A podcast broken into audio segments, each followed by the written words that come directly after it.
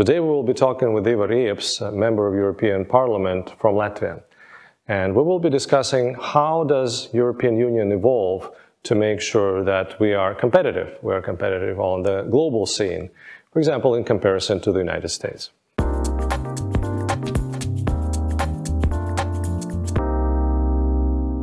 I mean, what we wanted to discuss today, you know, given your both uh, professional affiliation as a professional politologist, right, and then also you being the you're a member of European Parliament, is um, you know Baltics as a contributor to to Europe, uh, Baltics as a contributor to European economy, uh, Baltics as a contributor to European political process.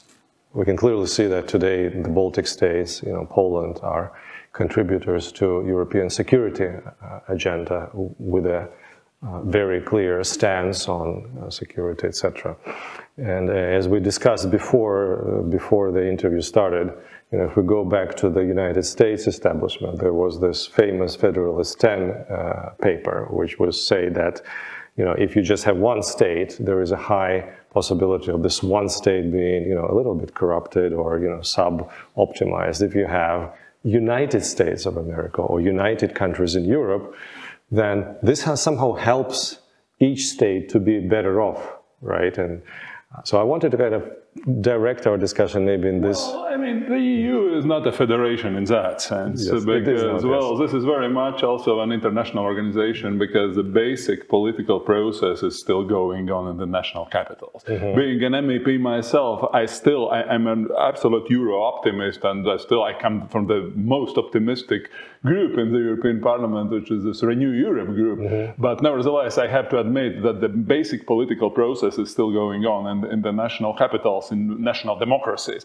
By the way, this is also where the largest part of the budget is being collected and being spent. Mm-hmm. Because if you look at the EU, it's still, it redistributes something like 1.1% of the European GDP, GDP. which is a trillion euros for seven years, mm-hmm. but nevertheless, this is just 1.1% of the GDP. But coming back to your question, what's the economic contribution of the Baltics right now? I mean, right now, of course, up until 2004, that was one of our main goals to get into that organization because right now we are seeing what's happening with those countries in this region which didn't make it, uh, meaning of course Ukraine, Moldova, Georgia, and so on and so forth. And there security situation is much more precarious than ours. But at the same time, of course, now it's the time to reap the economic benefits mm-hmm. of this membership. And this is what we, especially I'm talking about Latvia, we haven't always been very successful in doing that because, of course, we are part of the internal market. Mm-hmm. Uh, at the same time, we are on the well, on the outer rim of the European Union, which means that, well, we have to uh, devote uh, energy in order to attract investment, in order to uh, get uh, people think that this is really a good place to work, to live, and so on and so forth.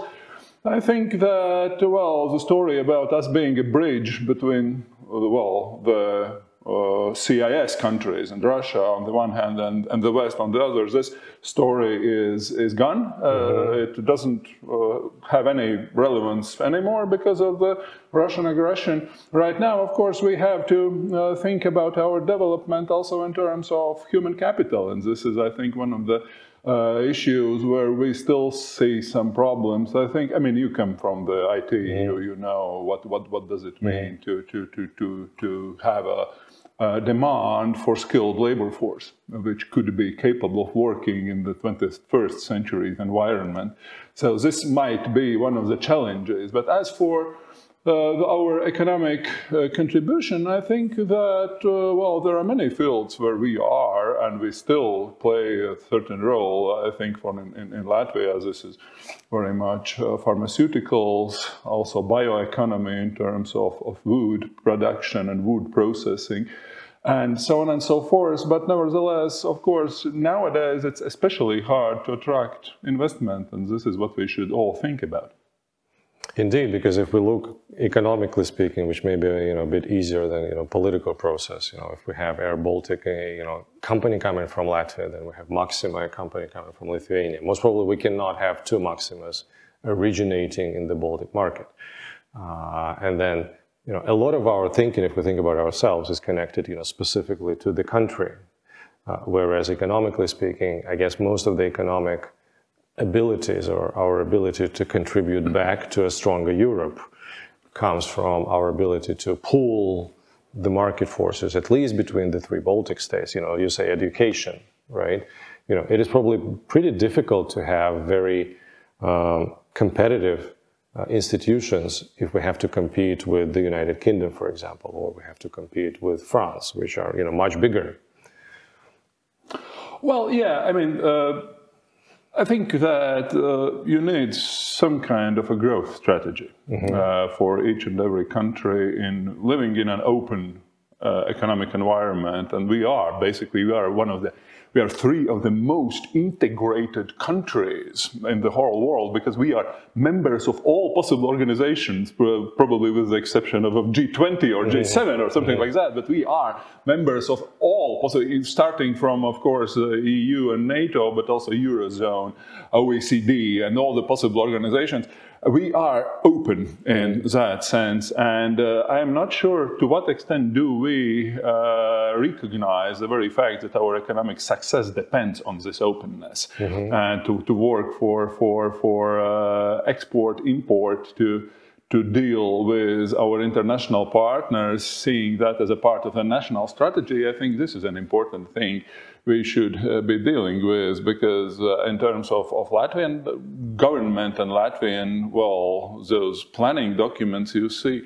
well, there is very little understanding of where is the growth going to come from. Come from, yes. Yeah, yeah, yeah, yeah. For example, your, your field is, of course, one of the most promising in that mm-hmm. sense. But the problem is that, of course, we are not the only ones yes. who are thinking about this.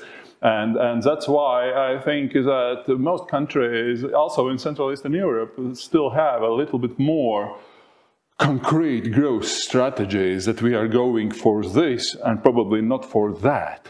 Uh, but uh, in Latvia, it's still, well, undecided. Because, mm-hmm. I mean, this is what we're thinking a lot about in technology. If we look at uh, the United States, if we look at Europe, if we look at uh, China, uh, we see a lot of uh, digital champions uh, in, in the US and in China. When we look at Europe, we see some champions like Spotify, like SAP. Which is probably the only one. Or yes, but, but we don't see enough, right? When we look at, let's say, big cloud players that have built their own clouds, you know, these companies are mostly coming from the United States. Then, you know, you know, all of the artificial in- intelligence is based on cloud, right? Uh, I think we've done a good job in Europe from GDPR perspective, from like framing, you know, how things should be done as opposed, you know, how not to do things. But then how do we get this other piece, this innovation piece, this engine piece, you know, creating companies that would be, you know, world champions rather than only European? Well, this is first of all about Europe as mm-hmm. such, and uh, and of course the Baltics should find their place in that process. But I mean, you are absolutely right that we are lagging behind, and also the European institutions and the European Parliament, we are absolutely conscious of the fact that we are lagging behind. We don't have any well, such amount of unicorns. So, well, as for the big, let's mm-hmm. say, uh, all the all the big platforms. Spotify is probably the poster child of of Europe, but it well, if you look at your mobile phone and look which apps are you using, there are very few of them are going to be European, right? Yes. And that's why, uh, of course, we are thinking about this. Uh, in terms of innovation, I think uh, that Europe is still uh, struggling uh, because, uh, of course, we have a lot of fundamental science. For example, all the vaccines, by the way, all the COVID vaccines initially, the formulas were produced, most of them in Europe, mm-hmm. if we count still the UK as Europe. Mm-hmm. But nevertheless, uh, in terms of production and commercialization of those innovations, we are still very much lagging behind. And in that sense, I don't think that there is much hope in catching up with the US in, let's say, next five or 10 years. Because, well, this is about the culture of innovation. This is not just about having a right or wrong policy. This is very much about culture of innovation, which uh, in, in the US, it's, it's very rampant. Uh, the EU is much more slow, much more bureaucratic, of course, and that's why we consider ourselves as being uh, well, a regulatory superpower, meaning that yes. we, we, we, we are a regulator. Basically, the global regulator you just mentioned, the GDPR, but there are quite a few new legislation coming up in terms of AI Act, Digital Markets Act, Digital Services Act, uh, Data Act, and so on and so forth. We consider ourselves as as regulators, we succeed in that, by the way, because the GDPR has become already a part of, of, of the global uh, landscape in, in, that field. But if we uh, think about uh, our capacity to innovate, I think that the uh, secret strategy has been always, well, of course, we don't have such a potential as, as not just the US, as this is not, just, not about the US, this is very much about California and a few other places in the yes, US yes, who are producing most of those uh, big uh, breakthroughs. But at the same time, uh, of course, uh, we consider ourselves also as the, not just the innovator, but the green innovator. Mm-hmm. That, that, this uh, new Green Deal is part of, well, we, we are not capable of innovating on such a scale as the US does, but, that, but we are going to be most green and we are going to, to make the world uh, much greener because we, we are going to make this, uh, this our uh, priority. And this has been uh, the case, at least since 2019, when uh, the current commission started working. And then what are those directions so in making, making Europe more green? As opposed to well, you know, US uh, and China? First, yeah, yeah, yeah. I mean, uh, first of all, uh, this is a multi-dimensional process. First of all, imposing uh, certain standards of uh, production mm-hmm. in terms of not producing less, but producing in a greener way, which of course uh, needs much investment, and this is what the EU and the European Commission is dealing with right now to get that innovation with this famous taxonomy. That mm. if you are going to uh, need some kind of a loan from your bank to open a business, uh, the first thing the bank is going to look at is uh, the uh, environmental footprint of your production. Mm-hmm. And if it's worse than a certain standard, you simply no, won't get money. Uh, this is about uh, the carbon uh, capture. This is about uh, this uh, new uh, system of the so-called CBAM, which is going to start working from 2024, which means that all the steel and cement being produced in those countries which do not have those climate obligations in terms of CO2 emissions, they are going to uh, pay a special tax in order to, to export their steel or cement into the EU, mm-hmm. which is a, which is also it has a certain global ambition, mm-hmm. uh, and and in that sense, I think this, this is quite reasonable because uh, climate change is a reality. Mm-hmm. And then if we like think about this winter and the situation with gas is of course you know awful from uh, the side of prices etc. But it kind of seems a little bit less awful than we feared. So do you think there is a realistic plan that right now Europe will use this huge hit and then jump off a lot of carbon-inducing, you know, energy sources? So do we, can we use it as a you know major transition into green space? Well, this is a good question because nobody knows. This is what we hope. Mm. Uh, because, of course, on the, on the other hand, there is also a certain pushback uh, to go into the opposite direction in terms of, for example, the Poles opening their coal plants yeah, again, which is which is a problem. But of course, the main push is yes that we need more.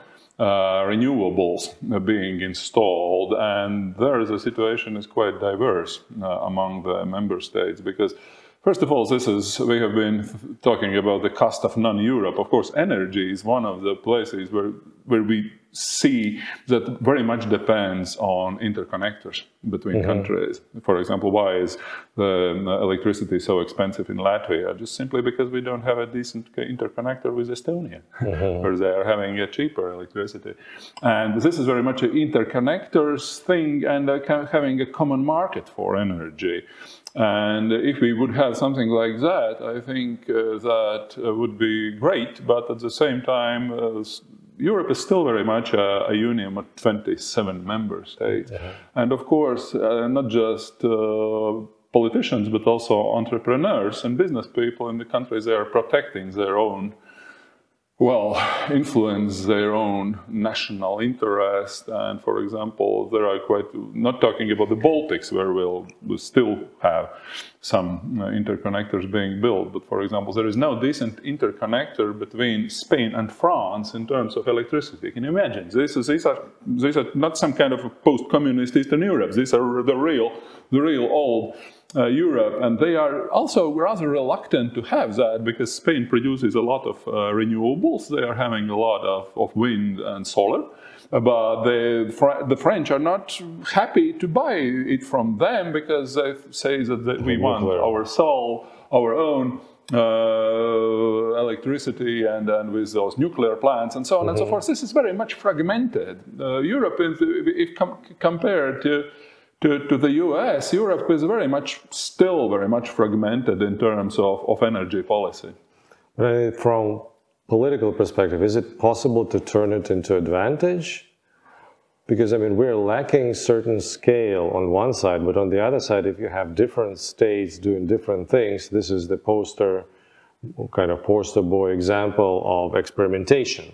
Mm-hmm. Right, you know, one state or one nation does it one way, the other state, you know, if you talk to like uh, Nordic people, I mean, yeah. all of these countries are actually very different, right? Mm-hmm. But they mm-hmm. still are more successful together, I would say. So how how is it possible to make Europe more successful together than it well, uh, I think that the EU has a lot of instruments to make those countries cooperate. Mm-hmm. Uh, and this is an instrument which has to be used in terms of promoting different kinds of cooperation in many different spheres. For example, right now, uh, since the war is still going on, we know that there are countries that have already uh, uh, given their a lot of their stocks uh, and reserves in terms of ammunition mm-hmm. uh, to Ukraine, mm-hmm. which means that these stocks should be refilled somehow. Yeah.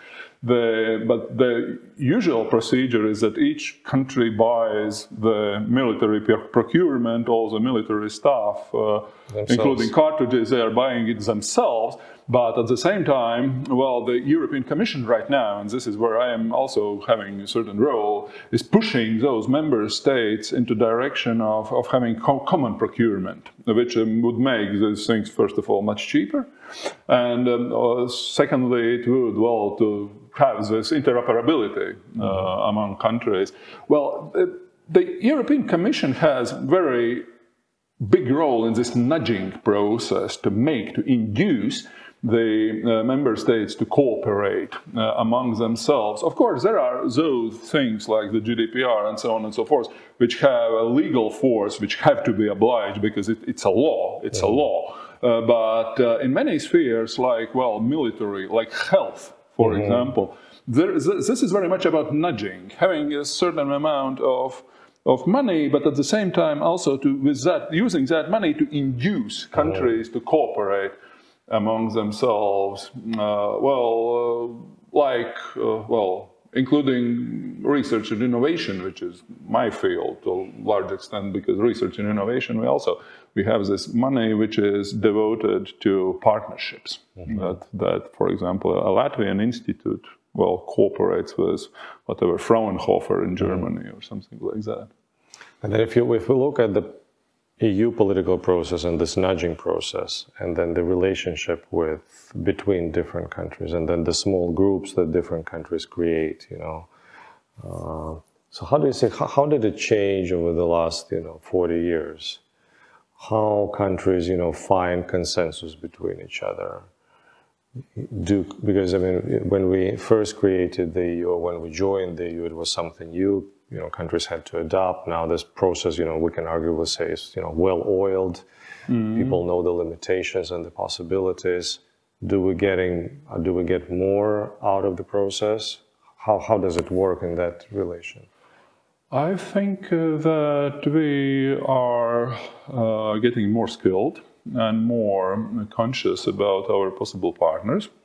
And we know that we have to play a multi directional game because it depends very much on a particular topic where you can find your partners. Mm-hmm. And um, well, in that sense, I think that Europe is working in, for also for Latvia. We haven't been very extremely active in European institutions, but nevertheless, Europe works also for our interests but because we are starting to to, uh, to get conscious about our own national interests in that uh, context. Mm-hmm. For example, well, there are questions where we are very much on the same page uh, with, let's say, Romania, mm-hmm. which is mm-hmm. which is a big country, by the way, with, a, with a lot of MEPs in mm-hmm. the European Parliament, and in that sense, was a lot of influence. And there are, but it is also one of so-called cohesion countries, mm-hmm. of those countries who are getting more money from the EU funds and paying into those mm-hmm. funds, which means that there is a lot of common interest with, with Romanians. There are uh, there are spheres, for example, well, in terms of uh, having a liberal market uh, and competition, we are on the same page with the Nordics. Uh, because the Nordics are very similar in that sense. They are also not so big. What they are interested in is, is to having a level playing field in many spheres, mm-hmm. but we just can't cooperate with the Nordics or in terms of social policy because the Nordics they are very much protective about their own systems. I don't, mm-hmm. for example, there was just this debate about having a, a European minimum wage, mm-hmm. and the Nordics are very much against that. Just leave us alone with your minimum wage. We are very absolutely happy with our system, what we are having for for centuries, and and and uh, of course in, in Latvia and in many other countries, this idea of having a certain standard how to set the minimum wage is very much desirable. So, well, it's, it depends very much how do you find your partners in, in particular situations. And right now, of course, I think what unites us regionally uh, is, uh, of course, the security uh, dimension, which also spills over into economy because right now we are talking about the military industry and defense industry being restored. And For the first is, time, yes. This is what we are doing, by the way, in cooperation with our Estonian friends, with our Finnish friends. And uh, well, all those kind of uh, half forgotten things about uh, hard power are coming back. Mm-hmm. And then from a kind of political spectrum perspective, when we think about US, it's always, you know, there is a big divide and divide, divide is growing between the more conservative part of society and the more liberal part of society. There are extreme politicians on, both ends, arguably. And um, how do you see this process in Europe? Because I think we also had our divide, but then it kind of disappeared, it kind of evaporated, you know, at least my feeling even before the war, it is much, much less uh, than it was uh, than it was, let's say, five, ten years ago when you know Brexit happened. There was uh, you know more of a divide than you know at least I feel there is today. Mm, yes, uh, because well, also the uh, Ukrainian war is what makes us more united, mm-hmm. and even kind of seemingly Eurosceptic countries and Eurosceptic governments like the Italian one, yes, uh, also is on the board even despite uh, Berlusconi being part of the ruling coalition and so on and so forth. But uh, well, if you uh, this is very much well, by the way, what you started with this idea of. of uh, balance of power and and uh, checks and balances, mm-hmm. and, and, where where all the subjects are looking at each other and and and preventing corruption in that way. I think that this is still very much working like that because this is a division between the parliament, which is a directly elected body, which is very much federalist. It is very much federalist in the sense that we, we want bigger budget, we want more coordination, we want more uh, common European approaches in everything. Having, for example, a common European health system or a common having a common European standard for for for for uh, for all the food products and so on and so forth. Parliament is a federalist, and um, but the councils, this is where all the heads of governments mm. are coming together. They are very much about well. Uh, well, keeping their national uh, interests intact, and this is an interplay. But in terms of, let's say, election results, I do not, I do not see right now any serious threats in terms of the EU falling apart uh, because all the uh, governments are well, Euro optimistic, especially in such turbulent times where everyone sees that Europe is, well, it's not perfect. But nevertheless, Europe is, uh, well, the best way to organize things in this continent and not just relying on national mm. interest. Uh, well, there are some Eurosceptic governments. Uh, probably the most notorious one is uh, the Hungarian one, uh, which uh, is uh, openly Eurosceptic.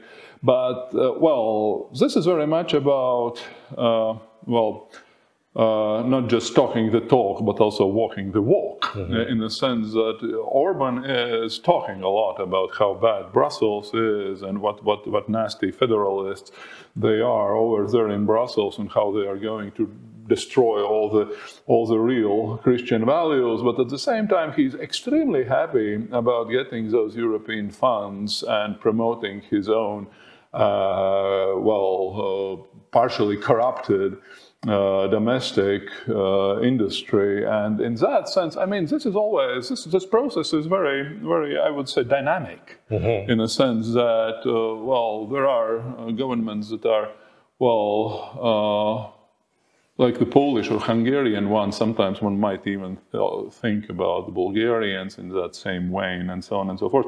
They are, well, using that Eurosceptic rhetoric in order to get their votes from a certain part of the population, but at the same time, they're benefiting very much about the, from the EU membership. And from the you know change programs, integration and cohesion programs. Well, I mean, I mean you can see the same in Latvia. You, you, you see some parties represented in our parliament where, well, uh, and who are also municipalities. These are parties and politicians that benefit very much from mm. the European funds, but they uh, get their funds, but it doesn't prevent them from using a Eurosceptic or nationalist rhetoric during the elections. Yeah, yeah, yeah. I mean, this is this is the game. This is how this is being done everywhere, basically. In, in that sense, I think that. By the way, the uh, recent events, also the Ukrainian war, and so on and so forth, we have seen that this. Uh, divide between the old member states, those that were members up until 2004, and those the new member states. Well, this this uh, this divide is going to close, I think, because this is, for example, the Latvians and the Balts, we should also uh, strive into the, that direction as fast as possible. The Czechs are going to become a donor country in a sense that, yeah, their, their GDP is going to be above the EU average, which means that they are going so to they pay. Will be yeah, yeah, yeah, the first one. Yeah, yeah, yeah, yeah, yeah, yeah.